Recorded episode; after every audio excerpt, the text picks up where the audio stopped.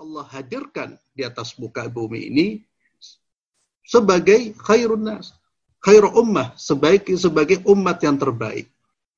Mudah-mudahan apa yang kita harapkan ini betul-betul terwujud.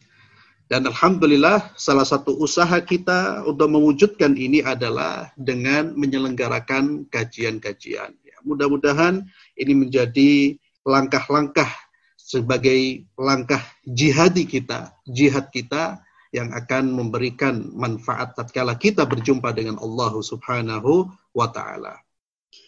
Ikhwani wa akhwati fillah azallahu ayyakum, sebelum kita berbicara tentang akidah dan akhlak ya. Kalau saya melihat di sini kisi-kisi kajiannya tentang keimanan dan sifat-sifat muslim. Saya menyampaikan bahwa biasanya kajian akidah akhlak ini dibahas secara terpisah. Biasanya seperti itu. Ya, jadi kajian akidah ada dalam pembahasan tersendiri, kajian akhlak juga ada dalam pembahasan tersendiri. Masing-masing punya objek kajian. Itu kalau dalam ranah ilmu, kajian ilmu. Ya, kajian akidah ada ilmunya, ada objek yang dipelajari, kajian akhlak pun ada objek yang dipelajari. Sehingga kita bisa melihat dalam literatur yang ada, ada kitab akhlak, ada kitab akidah. Itu secara teori seperti itu. Namun, ikhwani wa akhwati fillah, dalam praktek kita menjalankan agama, dalam implementasi keislaman kita, akidah dan akhlak ini tidak boleh dipisah. Tidak terpisah. Mungkin dalam kajian dia ter, eh, bersifat terpisah, tapi dalam ya dalam implementasi, dalam perbuatan, dalam sikap yang kita perlihatkan, maka akidah dan akhlak itu harus berjalan seiring. Bahkan keduanya saling berkolerasi, keduanya saling berpengaruh, dan keduanya saling membutuhkan. Sehingga kalau orang Islam yang berakidah, yang men, yang mencipta, yang melahirkan keimanan yang benar, pasti akhlaknya juga benar dan harus akhlaknya benar. Kalau ada orang Islam akidahnya benar, tapi akhlaknya tidak benar, maka itu menunjukkan ada masalah dengan akidahnya, dengan keiman, dengan keimanannya. Sehingga tidak ada istilahnya orang itu tauhidnya bagus, tapi akhlaknya nggak bagus. Ya. Kalau akhlaknya nggak bagus, tauhidnya nggak bagus. Karena tauhid itu nanti akan kita bicarakan. Tauhid itu bukan hanya teori, bukan hanya uh, pengetahuan yang tersimpan dalam memori kita, tapi tauhid itu ya amal, perbuatan yang memang bersumber dari keyakinan kita. Maka orang Islam yang utuh, muslim sejati, muslim yang baik adalah muslim yang memiliki keyakinan yang benar, memiliki keyakinan yang selamat, begitu juga menunjukkan ketaatan kepatuhan dengan ibadah-ibadah yang dia lakukan dan tentunya memiliki sikap dan perilaku yang sangat-sangat mulia.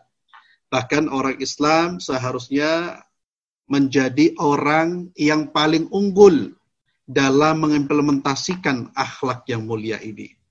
Namun ikhwani wa akhwati fillah azzallahu ayyakum, kita melihat dalam realita kehidupan kita, kita melihat dalam keseharian kita, ya banyak di antara kita yang menunjukkan atau mengaku sebagai seorang Muslim, namun perilakunya tidak Islami. Atau yang lebih fatal, sebagian saudara kita mengaku Muslim tapi memiliki keyakinan-keyakinan yang tidak Islami keyakinan-keyakinan yang justru bertentangan dengan prinsip-prinsip Islam yang sudah disepakati oleh ulama ahlus sunnah wal, wal jamaah. Ini realitanya seperti itu. Jadi ikhwani wa akhwati fillah, kalau dalam pembahasan, dalam kajian biasanya terpisah. ya Akidah itu ada pembahasan tersendiri, akhlak ada perbahasan tersendiri, namun dalam prakteknya dalam kehidupan sehari-hari kita harus menjadi muslim yang utuh, akidahnya benar, akhlaknya benar, ibadahnya juga benar. Ya. Jangan sampai kita menjadi muslim yang terbelah kepribadiannya. Di satu sisi terlihat baik, tapi di sisi yang lain tidak mencerminkan diri sebagai seorang muslim. Ikhwani wa akhwati fillah, a'azzallahu wa. Nabi kita Muhammad sallallahu alaihi wasallam itu sering kali mengaitkan masalah keimanan, masalah akidah itu dengan akhlak. Kalau kita membaca hadis-hadis termasuk yang ditulis oleh Al-Imam An-Nawawi rahimahullah dalam kitab Al-Arba'in An-Nawawiyah di situ ada hadis Nabi sallallahu alaihi wasallam di mana beliau bersabda man kana yu'minu billahi wal yawmil akhir falyukrim dhaifahu wa man kana yu'minu billahi wal yawmil akhir fala yu'dhi jarahu وَمَنْ كَانَ يُؤْمِنُ بِاللَّهِ وَالْيَوْمِ الْآخِرِ فَلْيَقُلْ خَيْرًا أَوْ لِيَصْمُتْ Kata Nabi barang siapa yang mengaku beriman kepada Allah, mengaku beriman kepada hari akhir, maka janganlah dia menyakiti tetangganya. Perhatikan uh, saudara-saudaraku yang mulakan Allah. Barang siapa, kata Nabi, yang beriman kepada Allah dan hari akhir, janganlah dia menyakiti tetangganya. Barang siapa yang beriman kepada Allah dan hari akhir, hendaknya dia muliakan tamunya. Barang siapa yang beriman kepada Allah dan hari akhir, hendaknya dia berkata baik atau diam. Kita perhatikan bagaimana Nabi Shallallahu Alaihi Wasallam mengaitkan keimanan, ya, iman itu akidah, keyakinan, dengan apa? Dengan akhlak. Kata Nabi, kalau kamu beriman kepada Allah dan hari akhir, buktikan dengan muliakan tamumu. Buktikan dengan sikap menahan diri dari menyakiti tetanggamu. Buktikan dengan ucapan yang baik atau kamu diam. Jadi ada keterkaitan yang luar biasa, ada keterkaitan yang erat antara akidah dengan akhlak. Maka seorang yang betul-betul memiliki akidah yang benar, pasti sekali lagi akhlaknya itu baik dan benar. Jadi kalau ada orang itu akidahnya, masya Allah, akidahnya luar biasa, benar, tapi akhlaknya kurang, berarti ada yang salah dengan keyakinan dia. Ini kaitan yang erat antara keimanan kita dengan akhlak kita. Sehingga kata para ulama, akidah dan akhlak ini seperti halnya dua sisi mata uang. Ya. Seperti halnya dua sisi mata mata uang. Yang satu membutuhkan yang satu, yang satu membutuhkan yang yang satu. Ikhwani wa akhwati fillah, azzarallahu ayyakum. Di era sekarang seperti yang tadi saya singgung, kita melihat saudara-saudara kita yang tidak atau belum menunjukkan keyakinan yang benar dan juga akhlak yang yang benar. Terutama yang paling terlihat secara kasat mata itu masalah akhlak, masalah moral. Sehingga tidak salah ketika ada salah seorang agamawan atau pakar pendidikan yang mengatakan kita ini krisis akhlak kita ini krisis moral. Kita lihat si perilaku-perilaku amoral, perilaku-perilaku yang tidak berakhlak, baik yang dipertontonkan oleh generasi terpelajar maupun yang tidak terpelajar, orang-orang elit yang disebut orang-orang kalangan elit atau selain mereka, itu terlihat sekali bagaimana perilaku-perilaku yang tidak menunjukkan akhlak islami. Bahkan mohon maaf saya katakan, mohon maaf, sekarang ini bu bukan sekarang ya, dari dulu. Bukan hanya di kalangan masyarakat awam, orang-orang tidak mengerti agama. Namun sangat disayangkan di kalangan orang-orang yang mengerti agama pun terjadi hal-hal yang kita sayangkan. Mereka menunjukkan perilaku yang kurang baik, akhlak yang kurang baik, Kita lihat terkadang ada seorang ustadz mencela ustadz yang lain, seorang dai mencela dai yang lain, ya. Bahkan itu dipertontonkan di hadapan masyarakat. Ya Allah, ini merupakan hal yang patut kita sayangkan dan terus kita berusaha untuk memperbaiki dengan cara apa? Terus kita berbicara tentang masalah akhlak, masalah tazkiyatun nufus, masalah kebersihan hati, sehingga betul-betul kita ini menjadi umat yang bisa meneladani akhlak Rasulullah sallallahu alaihi wasallam. Ikhwani wa akhwati fillah azzalallahu ayyakum. Ya, sebagaimana tadi yang telah saya sebutkan, Nabi selalu mengaitkan keimanan dengan akhlak. Begitu juga silakan kita melihat ayat-ayat Allah Subhanahu wa taala. Selalu dikaitkan tentang iman Iman itu akidah, keyakinan yang kuat, keyakinan yang benar. Itu selalu dikaitkan dengan ibadah dan akhlak. Oleh karena itu, kata para ulama, mengapa Allah Azza wa Jalla selalu memanggil atau ketika memerintahkan sebuah perintah atau melarang sebuah larangan, Allah selalu memanggil orang-orang yang beriman. Allah Azza wa Jalla ketika memerintahkan satu sebuah perintah atau larangan itu biasanya dimulai dengan panggilan ya ayyuhalladzina amanu. Wahai orang-orang yang beriman. Sedikit sekali ayat yang berisi perintah atau larangan yang dimulai dengan ya ayyuhannas. Ada tapi sedikit. Namun lebih banyak adalah ya ayyuhalladzina amanu karena keimanan yang benar itu akan melahirkan kesiapan untuk menerima perintah-perintah Allah. Melahirkan kesiapan untuk menerima larangan-larangan Allah yang kemudian akan dia tinggalkan atau dia hindari. Iman secara bahasa artinya as atau at-tasdiq. Iman secara bahasa artinya at-tasdiq, meyakini. Ya, sebagaimana firman Allah Subhanahu wa taala di dalam surat Yusuf ya, di dalam surat Yusuf ayat 17 Allah uh, Allah Azza wa Jalla menggambarkan atau mengabadikan perkataan saudara-saudara Nabi Yusuf ketika ingin meyakinkan ayahnya. Apa yang mereka lakukan itu adalah mereka mereka yang meyakinkan bahwa mereka ini tidak mendalimi saudaranya. Mereka berkata kepada ayahnya, "Wa ma anta lana walau kunna sadiqin." Dan engkau wahai ayah bimu'minin lana, wa ma anta lana. Dan engkau tidak akan percaya dengan kami, mukmin. Ya. Ini yang menunjukkan bahwa kata iman itu secara bahasa artinya keyakinan, yakin. Orang mukmin adalah orang yang yakin. Akidah pun demikian. Akidah itu artinya ikatan yang kuat. Ikatan yang sangat-sangat kuat. Yang susah untuk dilepas.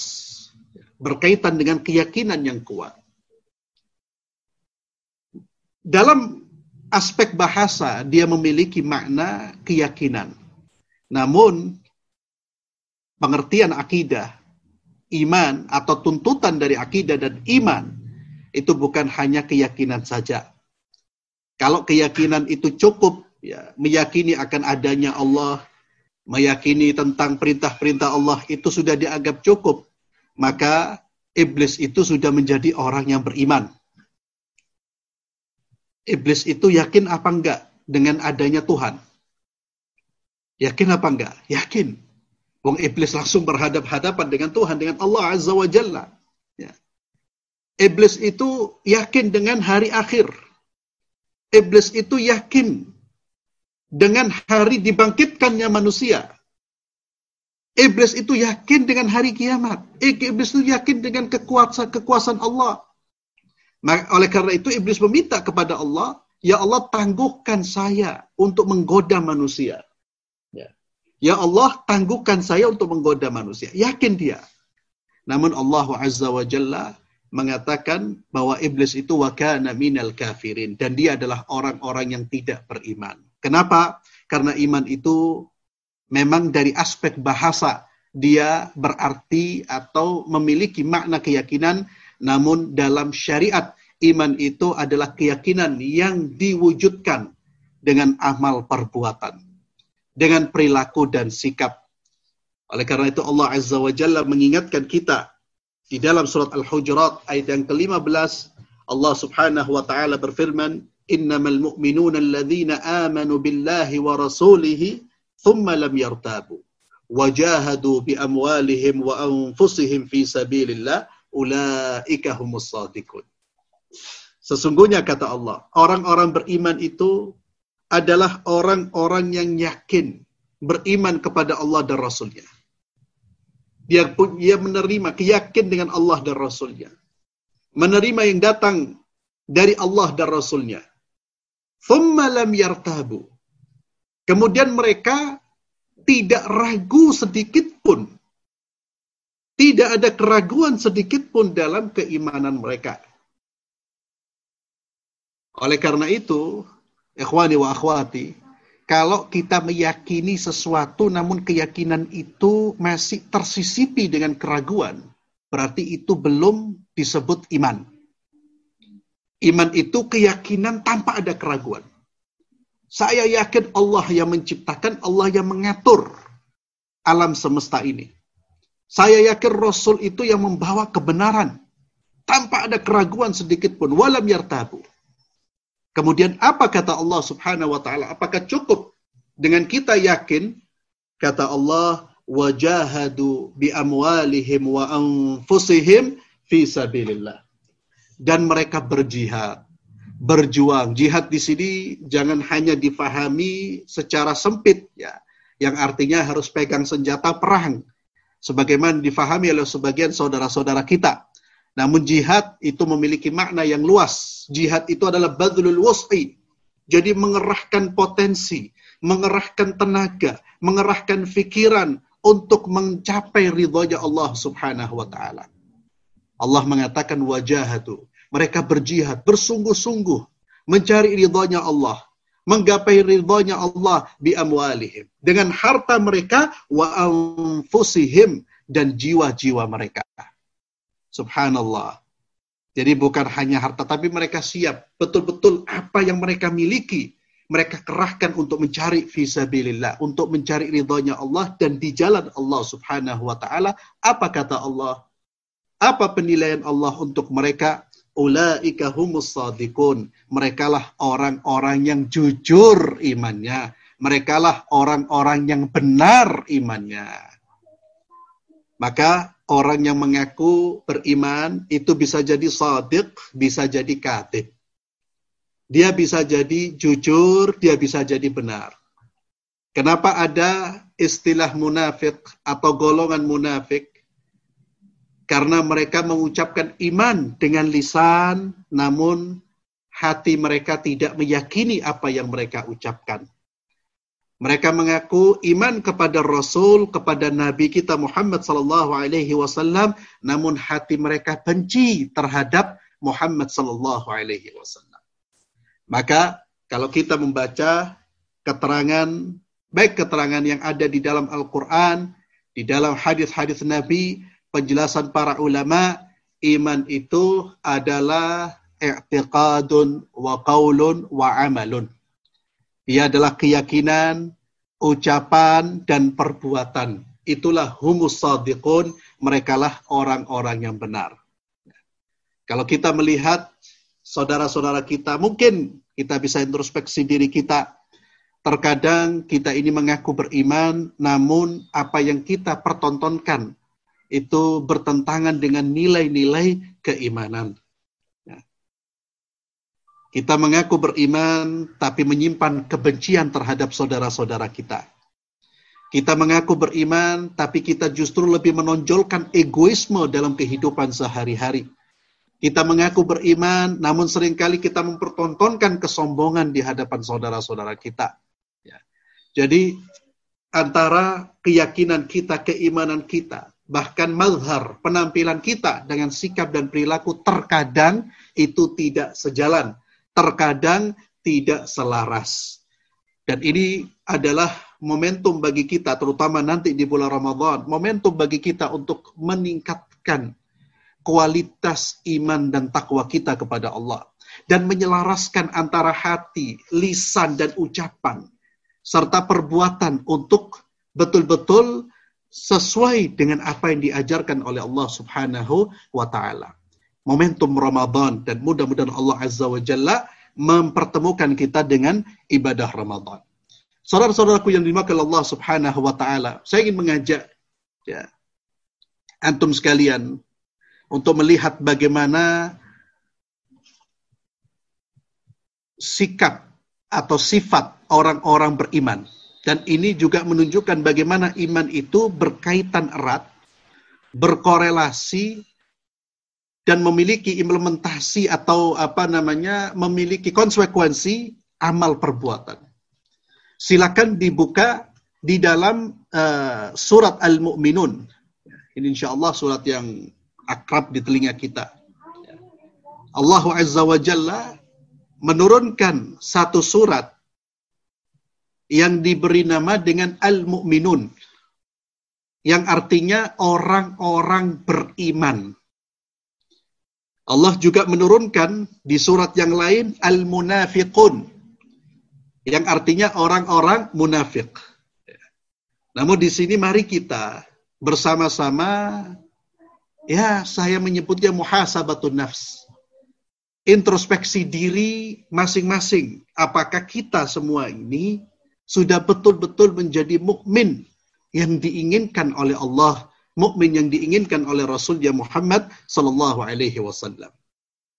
Di dalam surat Al-Mu'minun, Allah Azza wa Jalla berfirman, "A'udzu billahi minasyaitonir rajim. Bismillahirrahmanirrahim. Qad aflahal mu'minun."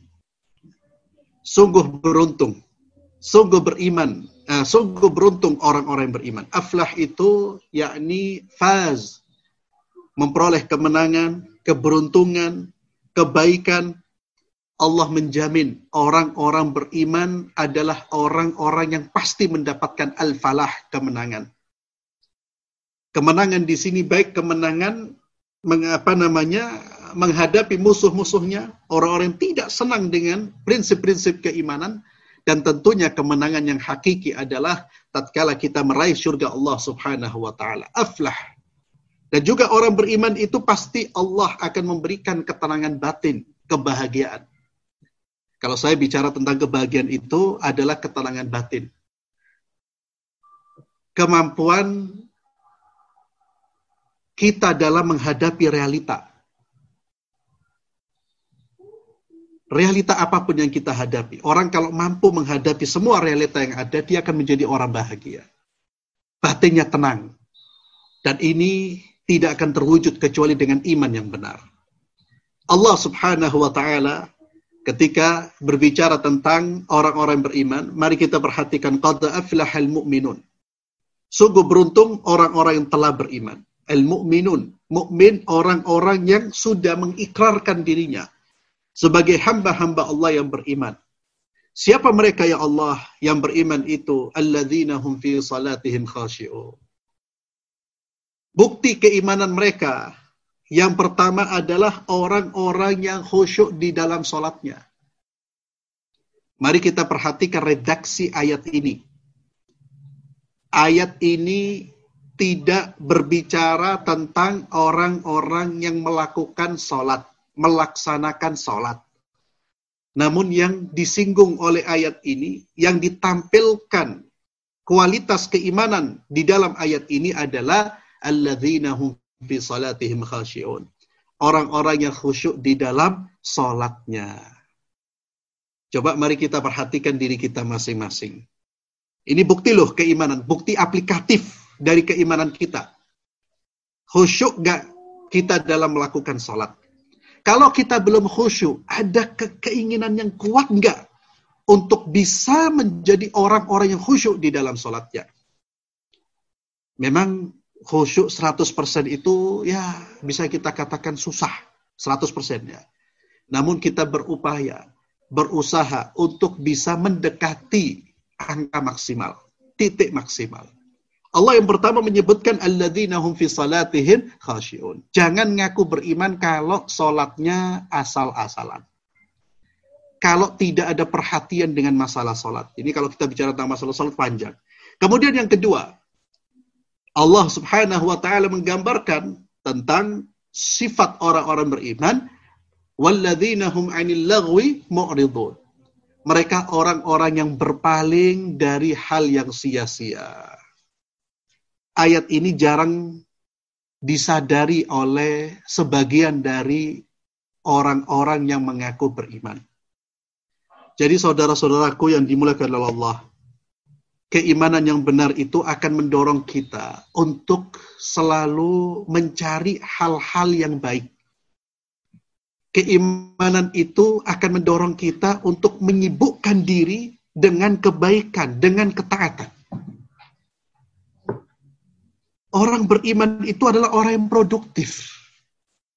Maka kalau kita, saya mengaku beriman, namun sering kali mengabaikan nilai waktu, sering kali tidak menggunakan, sering kali menggunakan waktu untuk hal yang sia-sia. Menurut ayat ini, kita belum dianggap sebagai orang yang sempurna imannya. Jadi orang beriman itu adalah orang-orang yang berpaling dari hal yang sia-sia. Sehingga kalau ada, mohon maaf ya, orang rajin sholat ngakunya beriman, tapi 12 jam main Mobile Legend, main game, mahasiswa mukmin aktivis masjid umpamanya, di luar masjid yang dia pikirkan bukan kemaslahatan umat, kemaslahatan dirinya dan umat, namun justru hal yang sia-sia. Maka ini dia tentunya belum dianggap sebagai orang yang sempurna imannya. Maka orang beriman kata Allah Subhanahu wa taala walladzina hum 'anil laghwi mu'ridun. Kemudian yang ketiga Allah katakan walladzina hum lizakati fa'ilun. Iman yang benar itu akan mendorong seseorang untuk menjadi orang-orang yang peduli dengan sesama. Iman yang benar itu akan meringankan tangan seseorang, bukan untuk memukul, bukan untuk membalimi, bukan untuk menganiaya, tapi dia akan menjadi ringan tangannya untuk berbuat kebajikan kepada orang. Walladzina hum lizzakati fa'ilun. Maka kalau ada orang aku beriman, namun medit, apa medit itu ya? Bakhil, ya. Maka dia perlu mengoreksi kembali keimanannya, mengevaluasi kembali keimanannya. Apalagi na'udzubillah sampai tidak mengeluarkan zakat. Dan saudara-saudaraku yang dimulakan Allah subhanahu wa ta'ala, ini kita berada dalam kondisi yang ya bisa dikatakan sulit, kondisi susah, banyak orang-orang membutuhkan uluran tangan. Ya, mari kita wujudkan keimanan kita, kita buktikan, aplikasikan keimanan kita dengan memberi bantuan kepada mereka berbuat kebajikan kepada mereka. Dan kalau kita membaca ayat-ayat Allah, Allah Subhanahu wa taala selalu mengaitkan antara salat dan zakat. Antara salat dan zakat. Ini tidak bisa terpisah. Maka orang beriman itu selain dia membangun hubungan yang baik dengan Allah, dia juga tidak lupa membangun hubungan yang baik dengan sesama. Allah katakan walladzina hum lizzakati fa'ilun. Kemudian Allah melanjutkan tentang sifat orang-orang beriman walladzina hum li furujihim hafizun. Orang beriman itu adalah orang-orang yang menjaga kehormatan mereka. Mereka tidak berzina, mereka tidak melakukan perbuatan-perbuatan yang dikategorikan dalam Al-Quran sebagai al-fahsya, perbuatan keji, perbuatan kotor. Mereka orang-orang terhormat, laki-lakinya terhormat, perempuannya terhormat. Orang beriman itu anti pacaran sebelum menikah orang beriman itu menyadari tentang tata cara berinteraksi dengan lawan jenisnya. Mereka betul-betul menjaga kehormatan dirinya. Walladzina hum li furujihim hafizun illa ala azwajihim aw ma malakat aymanuhum fa innahum ghairu malumin. Kecuali mereka diperbolehkan untuk melakukan hubungan kepada para budak eh, para budak-budak mereka dan kepada istri-istri mereka, istri-istri mereka dan budak-budak mereka. Ya, tentu sekarang di Indonesia ini tidak ada budak. Ya. Di Indonesia ini tidak ada budak. Jadi kalau kita membaca di dalam Al-Quran, budak, budak, hamba sahaya, itu dalam konteks perang. Ya, di Indonesia tidak ada perang, tidak ada perang fisik, ya, tidak ada perbudakan, bahkan hampir di seluruh dunia ini tidak ada perbudakan. Namun Al-Quran turun dengan membawa definisi atau membawa atau membawa golongan budak ini karena memang kondisi pada saat itu bahkan sebelum datangnya Islam sudah terjadi apa yang namanya perbudakan. Ya sehingga tidak mungkin Islam di satu pihak kemudian tiba-tiba datang kemudian menghapus. Ini justru akan uh, menyebabkan kegoncangan dalam dalam kehidupan umat Islam, ya. Karena masih pada saat itu ada jihad, ada perang, perang fisik di antara kaum muslimin dan orang-orang musuh-musuh Islam. Tawanan perang itu adalah budak. Dalam Islam dia boleh digauli. Ya, dalam Islam. Namun di Indonesia dan di negara-negara sekarang ini tidak ada perbudakan. Itu yang boleh untuk disentuh istri dan budak-budak mereka. Faman ibtagha wara'a faulaika humul adun. Siapa yang mencari di balik itu ya. Di balik itu maka mereka adalah orang-orang yang melampaui batas.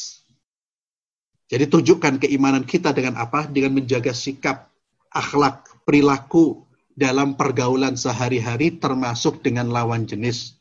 Ya, saya sampaikan ya tentunya bagi apalagi aktivis ya.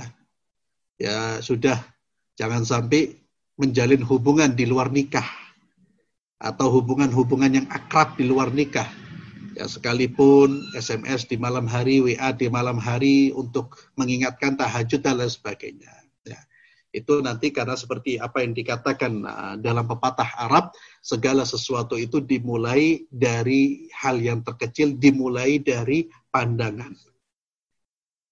Kalau kita lihat api yang besar itu, itu dimulai dari percikan-percikan api yang yang kecil. Kemudian Allah Subhanahu wa taala menjelaskan kepada kita semua siapa orang-orang beriman, perhatikan tadi kita lihat ibadah salat, kemudian memanfaatkan waktu tidak uh, atau yang kedua berpaling dari hal yang sia-sia, artinya memanfaatkan waktu dengan baik. Kemudian zakat, kemudian menjaga kehormatan diri, Kemudian kata Allah Subhanahu wa taala orang beriman itu walladzina hum li amanatihim wa ahdihim raun. Orang-orang yang menjaga, memperhatikan, menjalankan amanah yang dia emban dan janji-janji yang telah dibuat. Allahu Akbar. Itulah ciri orang beriman. Kalau ada orang beriman tidak amanah, ada orang yang mengaku beriman tapi korupsi, baik korupsi uang atau korupsi waktu, ya. Insya Allah teman-teman tahulah makna korupsi waktu itu. Antum kerja jam masuk jam 7 datang jam 8. Kerja pulang jam 4, seharusnya pulang jam 4, pulangnya jam 3. Itu korupsi. Itu tidak menunjukkan perilaku orang-orang beriman. Orang beriman itu sangat komitmen dengan amanah mereka. Amanah itu apa yang Allah titipkan kepada kita.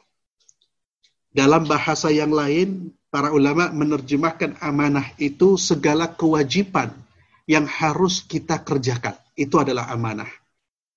Ya.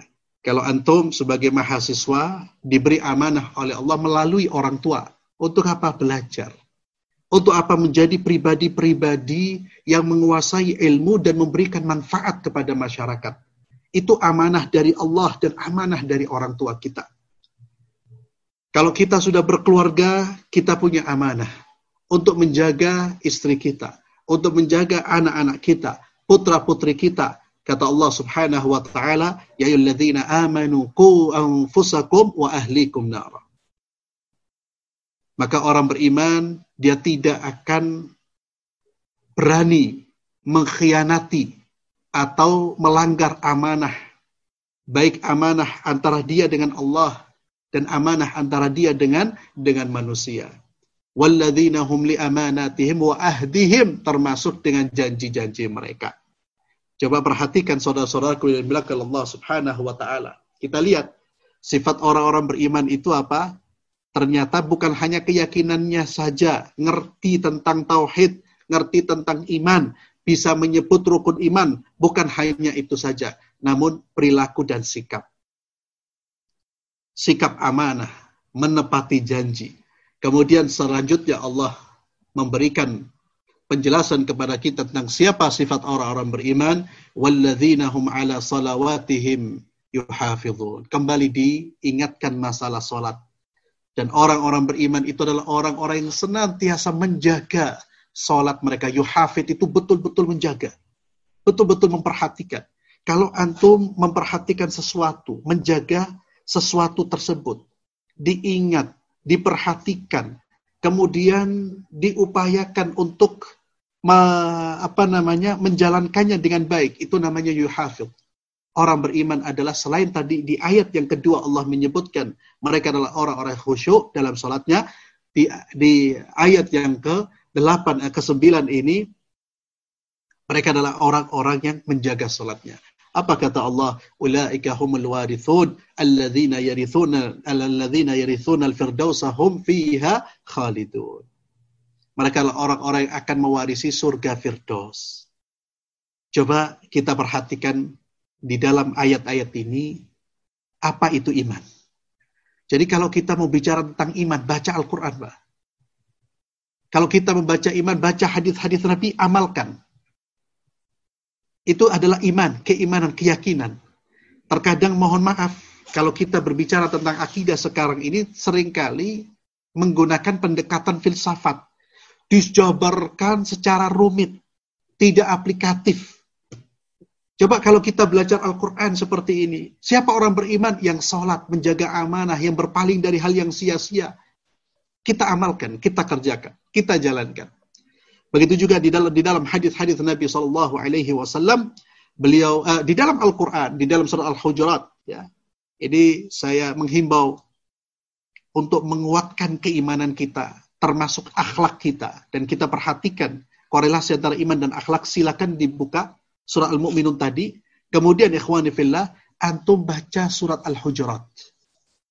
Itu berbicara tentang iman di ayat pertama kemudian berbicara tentang akhlak.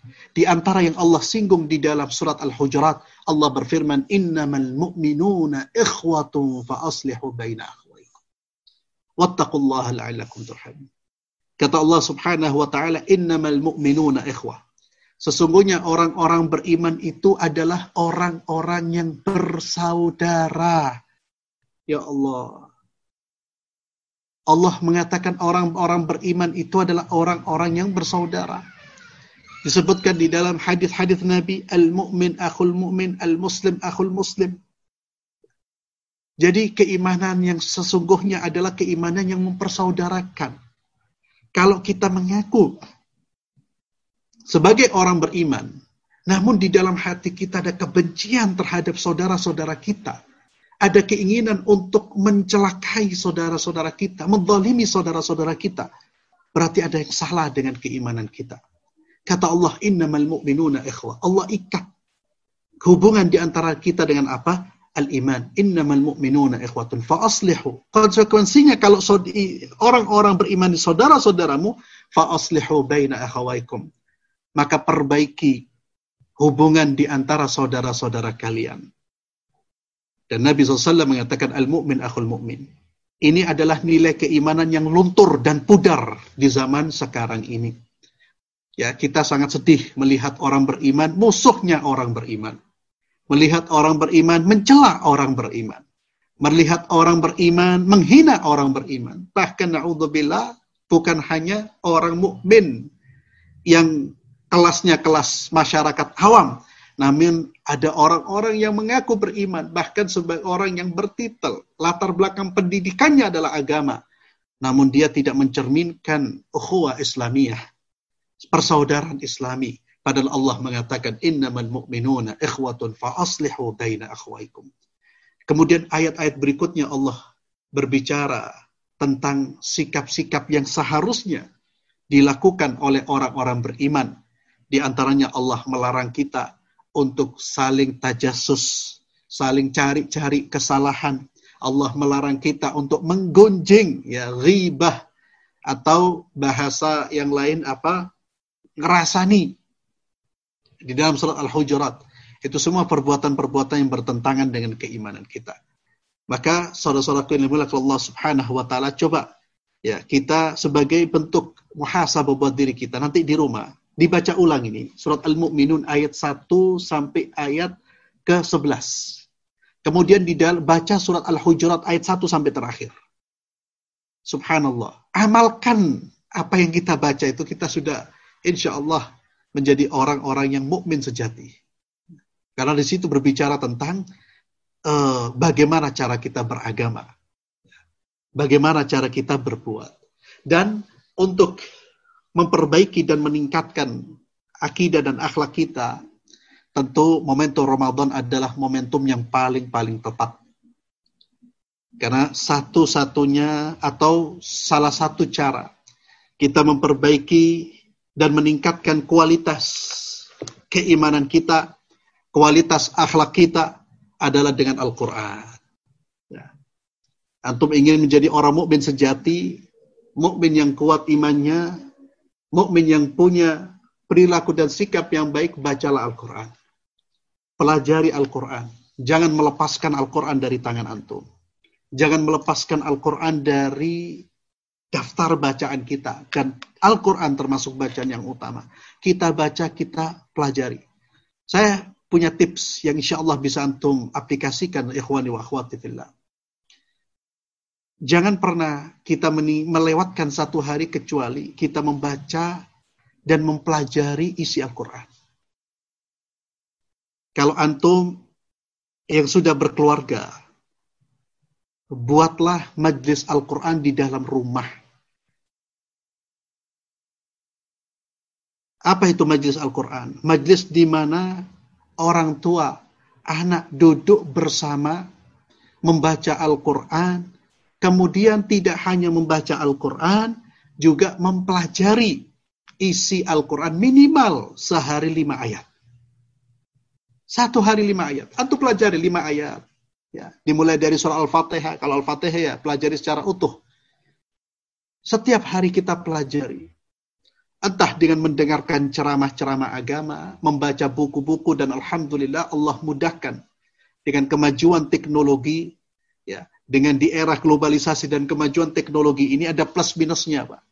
Kalau plusnya itu segala sesuatu ilmu-ilmu yang dulunya itu ulama kalau ingin mencari dan mendapatkannya harus berbulan-bulan melakukan perjalanan jauh, sekarang dengan cepat dan mudah kita bisa dapatkan dengan kemajuan teknologi. Termasuk ini adalah efek positif dari kemajuan teknologi. Subhanallah. Saya berada di rumah ya di Dinoyo bisa bertatap muka dengan antum, bertemu dengan antum, berbicara dengan antum, namun ada sisi negatifnya. Dan inilah salah satu faktor kenapa merosotnya akidah dan akhlak uh, moral ya ini saudara-saudara kita. Namun sisi positifnya luar biasa. Bacalah Al-Quran buat majlis Al-Quran. Antum yang masih mahasiswa jangan melepaskan Al-Quran. Itu cara yang pertama. Kita bisa meningkatkan kualitas akidah dan akhlak kita. Baca pelajari. Dan Ramadan adalah bulan Al-Quran.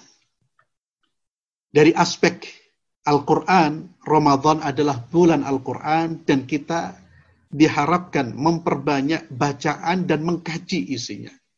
Kemudian Ramadan adalah bulan tarbiyah bulan yang memang Allah sediakan buat kita sebagai bulan tarbiyah, bulan pendidikan jiwa, pendidikan akidah, pendidikan moral, sekaligus sebagai muhasabah. Sebagai bulan kita mengevaluasi diri sendiri. Bukankah di bulan Ramadan kita diajarkan untuk menahan diri dari hal-hal yang sebelumnya dihalalkan. Kita menahan diri dari makan, Makan itu adalah halal. Allah larang kita, kita pun mampu untuk meninggalkan makanan dan minuman. Di bulan Ramadan kita diperintahkan untuk tidak mempergauli istri kita. Kita pun mampu melakukan itu. Itu artinya kita diberi pendidikan oleh Allah untuk senantiasa melatih jiwa kita, hawa nafsu kita Di bulan Ramadan kita dididik untuk menjadi orang-orang yang mampu mengontrol ya. Orang-orang yang mampu mengontrol hawa nafsunya. Orang-orang yang bisa me menguasai hawa nafsunya, bukan menjadi orang-orang yang dikontrol oleh hawa nafsunya. Momentum Ramadan subhanallah. Manfaatkan betul ini. Dan tentunya Ramadan akan berbekas bagi siapa? Bagi kata Nabi Shallallahu Alaihi Wasallam orang-orang yang imanan wa ihtisaban dalam menjalankannya. Man sama Ramadana imanan wa ihtisaban ghufir lahu ma taqaddama min dhanbih. Barang siapa yang beriman kepada Allah, barang siapa yang berpuasa Ramadan, barang siapa yang berpuasa di bulan Ramadan, imanan atas dorongan iman. Sebagian ulama menafsirkan imanan atas dorongan iman itu artinya karena keyakinan yang kuat akan uh, karena keyakinan akan wajibnya Ramadan. Wa ihtisaban dan mengharapkan ridha Allah. Ya, puasanya bukan karena sungkan sama teman, bukan karena nggak enak, bukan karena takut dicela oleh manusia, tapi puasanya betul-betul karena keimanan dan dorongan ingin mendapai ridhonya Allah maka dia akan mendapat dia akan mendapatkan pengampunan dari pengampunan dosa-dosanya. Dan Ramadan subhanallah Allah katakan la'allakum tattaqun tadi sudah dibacakan oleh saudara kita bahwa puasa itu tujuannya untuk membentuk pribadi takwa. Jadi kalau kita ini betul-betul memasuki bulan Ramadan dan betul-betul menjalankan uh, perintah-perintah Allah, sunnah-sunnah Nabi di dalam bulan Ramadan, menjauhi larang-larangan Allah, kita betul-betul keluar dari bulan Ramadan menjadi pribadi-pribadi bertakwa. Karena itu memang tujuannya. La'allakum tattaqun. Tujuan dari Ramadan bukan untuk menjadikan kita lebih sehat, walaupun nanti konsekuensinya itu lebih sehat kalau mengikuti aturan Islam ya, dalam menjalankan ibadah ibadah Ramadan. Tapi tujuan utamanya adalah la'allakum tattaqun, membentuk karakter takwa di dalam diri kita. Maka momentum Ramadan ini momentum yang tepat kita jadikan sebagai bulan tarbiyah, memperbaiki diri. Ya. Bukankah di bulan Ramadan kita diajarkan oleh Allah Subhanahu wa taala untuk menghadirkan muraqabatullah, menghadirkan pengawasan Allah Subhanahu wa taala. Ya. Antum, saya tidak makan kenapa? Padahal saya bisa bersembunyi. Kenapa saya tetap menjaga diri dari makan dan minum? Karena saya tahu Allah mengawasi saya. Saya tahu bahwa saya sekalipun makan dan minum tidak diketahui oleh manusia, tapi diketahui oleh Allah Subhanahu wa Ta'ala. Dan puasa saya batal. Puasa saya batal. Allah tahu. Itu artinya kita diajarkan untuk menghadirkan muraqabatullah. Maka manfaatkan puasa ini dengan baik dan benar. Ya. Dan kita dalam masa pandemi seperti ini, COVID-19, ya tidak ada masalah. Ya, kita harus terawih di rumah karena memang itu kebijakan apalagi di Surabaya ini uh, sebentar lagi akan diterapkan PSBB ya. Ya, yaitu justru uh, lebih uh, apa namanya? lebih mengkarantina atau me membuat gerakan kita semakin terbatas. Jadi tidak ada masalah kita terawih di rumah, mengaji di rumah, manfaatkan dengan betul. Kemudian yang terakhir ikhwan fillah azzallahu ayakum agar kita bisa memperbaiki dan meningkatkan akidah akhlak kita berkawanlah dengan orang-orang saleh. Pilihlah kawan-kawan yang baik. Ya. Jangan coba-coba berkawan dengan orang-orang yang tidak baik. Nabi Shallallahu Alaihi Wasallam beliau telah mengingatkan kita, man kana yu'minu billah, uh, kata Nabi al-mar'u ala dini khalili falyanzur ahadukum man yukhalil, bahwasanya salah seorang itu tergantung dengan agama kawannya, maka lihatlah dengan siapa dia dia berkawan. Maka pilihlah kawan-kawan yang baik, pilihlah kawan-kawan yang saleh. Kawan-kawan yang tidak soleh, tugas kita untuk merangkul mereka, mengajak mereka kepada kebaikan. Ya. Ini wallah alam gimana? Uh, moderator, kok tampaknya sudah muncul? Ya Ustadz, uh, sebentar lagi akan memasuki sesi tanya jawab Ustadz. Nah, iya, iya. Saya kira itu lebih baik. Uh, apa yang saya sampaikan ini saya kira sampai di sini kita bisa pertajam dengan soal jawab. Mungkin ada yang perlu ditanyakan, ada yang perlu didiskusikan, tafadhol. Terima kasih Ustadz atas uh, materi yang telah diberikan. Selanjutnya uh, kepada audiens silakan yang ingin bertanya bisa raise hand lalu mungkin secara dialog atau mungkin juga lewat lewat chat. Uh, ya Ustadz, ini sudah ada pertanyaan. Yang pertama Ustadz, saya Vela izin bertanya. Di daerah saya sering ada kasus petinggi ormas Islam yang menghina ormas Islam yang lain karena perbedaan. Istilahnya rasa toleransinya masih rendah, padahal mereka menjadi panutan banyak orang. Sebagai pemuda, apa yang bisa dilakukan untuk menyikapi hal tersebut ya Ustadz? Jazakallah khair. Ya, ini memang realita yang ada di hadapan kita, ya fenomena yang menyedihkan kita. Yang tadi saya singgung, mungkin berulang kali saya saya singgung tadi. Ya, kita ini belum menunjukkan akhlak dan sikap sebagai seorang muslim sejati. Buktinya apa yaitu saling mencela, saling menghina sampai yang melakukan itu adalah orang-orang seharusnya memberi contoh keteladanan, memberi contoh akhlak yang mulia. Ini yang kita sayangkan. Maka bagaimana sikap kita? Sikap kita yang pertama, kita berupaya kalau kita mampu memberi nasihat kepada mereka, berikan nasihat. Karena Nabi SAW bersabda, Ad-dinu nasihat, ad-dinu nasihat, ad-dinu nasihat. Agama ini adalah nasihat. Kepada siapa ya Rasulullah? Lillah, wali kitabi, wali rasul, wa immatil muslimin, wa amati. Nasihat untuk siapa pun. Ya, bahkan ustadz perlu dinasihati nggak apa-apa. Kiai dinasihati nggak apa-apa. Ya, gara gak ada orang yang kebal nasihat tidak boleh. Ya. Semuanya berpotensi salah. Kalau kita mampu, kalau kita bisa punya akses ke situ. Kalau kita tidak bisa maka jangan jadi uh, apa istilahnya supporter. Ya. Jangan mensupport, jangan jadi supporter dari perilaku-perilaku yang tidak baik. Ya, saya ingatkan saudara-saudaraku, banyak di antara kita yang jadi supporter. Ustadz-ustadz yang tidak toleran. Contohnya gimana? Bagaimana dia mensupport? Dengan menyebarluaskan kajiannya dengan menyebarluaskan caci makinya. Itu artinya kita ikut terlibat bukan untuk mengislah tapi justru untuk memperkeruh masalah. Oleh karena itu saudara-saudaraku, kalau kita mau dengarkan dan men-share kajian, itu kajian-kajian yang mencerahkan. Kalau di situ ada sindiran, ada hinaan, na'udzubillah, jangan di-share. Cukup kita yang mendengar. Kalau kita men-share, berarti kita melanggar firman Allah, innamal mu'minuna ikhwatun fa aslihu baina akhwaikum. Tugas kita adalah islah, tugas kita adalah memperbaiki. Maka kita yang melihat seperti itu, selain kita kalau kita tidak mampu memberi nasihat, mungkin mereka ustadz, ya kiai atau seorang yang terhormat kita mungkin uh, merasa tidak diperhatikan, maka kita bisa merangkul orang-orang di bawah.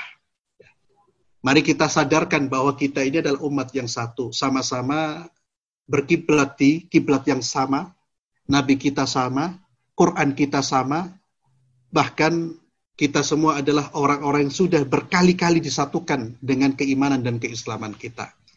Jadi jangan kalau kita tidak mampu memperbaiki langsung, maka jangan mensupport. Jangan menjadi supporter dari pihak-pihak yang melakukan tindakan intoleransi terhadap saudara-saudaranya. Wallah alam Terima kasih atas jawabannya Ustadz. Uh, selanjutnya ini ada pertanyaan kedua, cukup panjang, insya Allah bisa dimengerti. Bismillahirrahmanirrahim. Saya pernah membaca bahwa prioritas utama dalam berdakwah adalah dakwah pada akidah dan tauhid. Begitupun dalam mempelajarinya. Akidah lebih didahulukan untuk dipelajari. Namun di, di sisi lain, terdapat perintah bahwa kita harus mempelajari adab sebelum mempelajari ilmu. Jadi, mana yang sebenarnya harus didahulukan? Apakah adab di sini itu sudah mencakup akidah atau akidah yang mencakup adab? Atau ya. bagaimana ya Ustadz? Mohon penjelasannya. Jazakallahu khairan. Baik. Uh, ini kenapa ada istilah akidah dulu, akhlak dulu? Memang karena uh, adanya klasifikasi ilmu ya, ilmu akidah dan ilmu akhlak dan ini memang wajar. Jadi kalau dulu itu kan di zaman Nabi ya Islam itu ya ya belum ada lah klasifikasi ilmu seperti ini. Namun untuk memudahkan untuk memudahkan dalam mempelajarinya memudahkan untuk melihat masalah-masalah yang ada, ulama pun kemudian melakukan pengklasifikasian, ada usul, ada furu, ada akidah, ada akhlak, dan lain sebagainya. Apa yang harus kita pelajari? Tadi sebetulnya dua-duanya nggak salah. Jadi mempelajari akidah dulu, mempelajari keimanan dulu, itu adalah memang hal yang di telah ya, hal yang telah dijelaskan oleh para ulama. Namun akidah dan iman di sini adalah bukan mempelajari semuanya belajar itu dulu baru belajar ini. Tidak. Tapi yang dipelajari adalah hal-hal yang prinsip, hal-hal yang penting di antaranya ma'rifatullah, mengenal Allah. Ya, itu yang paling prinsip sebagaimana yang disebutkan oleh Imam Ibn Ruslan dalam matan Zudat awal wajibin 'alal insani ma'rifatul ilah bistiqadi. Beliau menyebutkan tentang apa yang sudah disepakati oleh ulama. Pertama kali yang harus diketahui oleh manusia adalah mengenal Allah dengan keyakinan ya difahami kenalilah Allah dengan ayat ya, ya, melalui ayat-ayat Allah yang dibaca dalam Al-Qur'an atau melalui ayat-ayat Allah yang kita saksikan ya kemudian kita mempelajari tentang masalah-masalah prinsip dalam keimanan kita orang muslim harus dia mengenal tentang rukun iman itu dipelajari dan juga mempelajari di saat yang sama mempelajari adab dan akhlak jadi pembagian atau perkataan tersebut bukan berarti kita belajar akidah dulu nggak boleh belajar akhlak tidak, atau belajar adab dulu nggak boleh belajar akidah. Ya. Itu ada konteksnya. Ucapan-ucapan itu dalam konteks tertentu. Orang mau belajar, tentu dia kan sudah membawa akidah yang benar. Apa yang harus dia pelajari dulu? Ya akhlak dulu akhlak dulu dia dia ketahui. Tapi kalau orang awam sama sekali tentang Islam atau orang baru masuk Islam, ya diajari akidah dulu. Ya. Jadi istilah atau uh, nasihat-nasihat tadi itu tentu dalam konteks. Jadi kalau orang memang membutuhkan, dia harus mempelajari masalah prinsip-prinsip Islam, pelajari dulu itu. Kalau dia harus, kalau dia sudah mengenal prinsip-prinsip Islam, ya, maka pelajari akhlak sebelum kita belajar fikih, sebelum kita belajar uh, pelajaran-pelajaran yang lain. Jadi dalam konteksnya tidak perlu dipertentangkan dan bisa seseorang belajar sekaligus belajar akidah dan juga belajar akhlak. Wallah Alhamdulillah, terima kasih Ustaz. Untuk pertanyaan selanjutnya, nama saya Oscar, izin bertanya apakah kita boleh menunjukkan kreativitas kita selama Ramadan? Kreativitas saya insya Allah di musik dan game Ustaz. Kreativitas tujuannya apa? Kreativitas yang ada nilai dakwanya atau kreativitas itu macam-macam. Ya, jadi kalau kita menunjukkan kreativitas, menunjukkan uh, produktivitas ya, yang itu dapat menghadirkan kebaikan, ya memberi ilmu, memberi kemanfaatan, ya silakan justru kita harus lakukan itu. Tapi kalau tidak membawa kemanfaatan, tidak memberi, tidak mendorong keimanan seseorang, justru menjerumuskan seorang dalam keburukan ya, ya jangan, ya itu. Jadi tergantung kreativitas apa. Justru kita harus menjadi orang yang kreatif. Orang Islam itu harus menjadi orang yang kreatif. Orang Islam itu harus menjadi orang yang produktif, sebagaimana tadi yang kita bahas di dalam surah Al-Mu'minun ayat yang kedua. Namun harus diingat apa yang kita persembahkan, kreasi apa, kita memproduksi apa. Apakah produksi saya ini, kreativitas saya ini memberi kebajikan, memberi kemaslahatan atau tidak? Kalau memberi kemaslahatan, kita apa namanya? Kita berikan kepada umat dan kita jaga niat kita untuk memperoleh ridha Allah Subhanahu wa taala. Terima kasih Ustadz. Untuk pertanyaan selanjutnya dari Rosa Amalia. Ingin bertanya Ustadz, bagaimana jika membatasi untuk berkomunikasi terhadap seseorang karena takut akan menggibah terhadap seseorang itu? Apakah hal tersebut diperbolehkan? Mohon penjelasannya Ustadz. Terima kasih. Iya, orang membatasi pergaulan, membatasi diri agar tidak terjerumus ke dalam perkara yang haram, maka itu sangat baik. Itu dalam istilah syariat syadzud dzari'ah.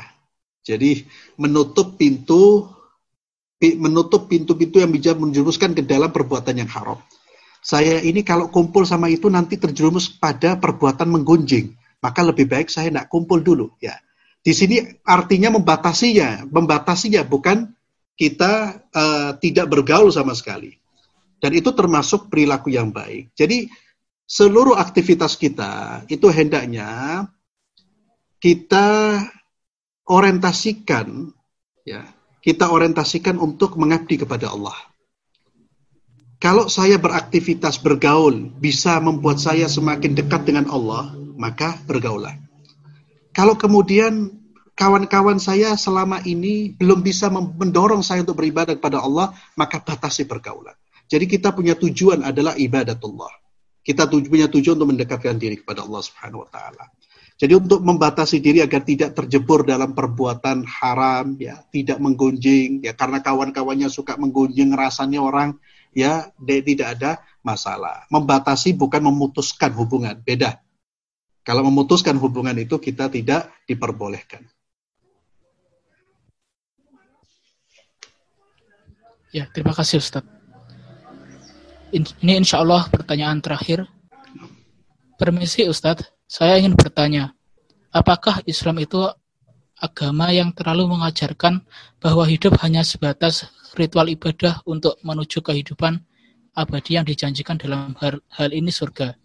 Karena di kebanyakan masjid yang saya dengarkan uh, menyebutkan bahwa hidup itu untuk ibadah, ibadah dan ibadah. Mohon penjelasannya Ustadz. Nah, hidup untuk ibadah. Allah firmankan dalam surah Al-Dhariyat Allah Azza wa Jalla berfirman, "A'udzu billahi minasyaitonir rajim wa ma khalaqtul jinna wal insa illa liya'budun." Dan tidaklah aku ciptakan jin dan manusia kecuali hanya untuk beribadah kepadaku. Namun yang perlu difahami makna ibadah. Yang perlu difahami. Ya. Makna ibadah bagi sebagian kalangan difahami secara sempit. Ibadah itu hanya sholat. Sholat jamaah, sholat Jumat, sholat terawih, ya ibadah itu hanya zakat, ibadah haji, umrah selesai. Padahal makna ibadah itu lebih luas. Kalau kita meminjam istilah dari Ibnu Taimiyah, beliau mengatakan saya kira bagus juga untuk kita jadikan sadar. Beliau mengatakan ibadah itu segala perilaku dan perbuatan yang dicintai dan diridhoi oleh Allah. Itu ibadah.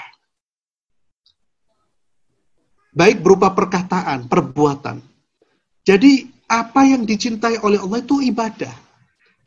Dengan pengertian ini maka ibadah itu tidak hanya sholat. Apakah yang dicintai oleh Allah itu sholat? Tidak. Berbakti kepada orang tua itu ibadah. Bahkan ibadah yang luar biasa. Kita bersikap baik itu adalah ibadah. Berkata baik itu adalah ibadah. Berkata jujur itu adalah ibadah. Membantu orang lain itu adalah ibadah. Maka ibadah itu adalah semua aktivitas yang mencakup sikap yang baik sikap kita yang baik terhadap Allah dan sikap baik terhadap manusia bahkan bukan hanya manusia hewan pun kita harus bersikap baik maka saya sering mengoreksi kadang-kadang orang sering mengatakan hablun minallah hablun minannas itu masih kurang karena tali yang kita hubungkan itu bukan hanya dengan Allah dan manusia termasuk dengan lingkungan ya.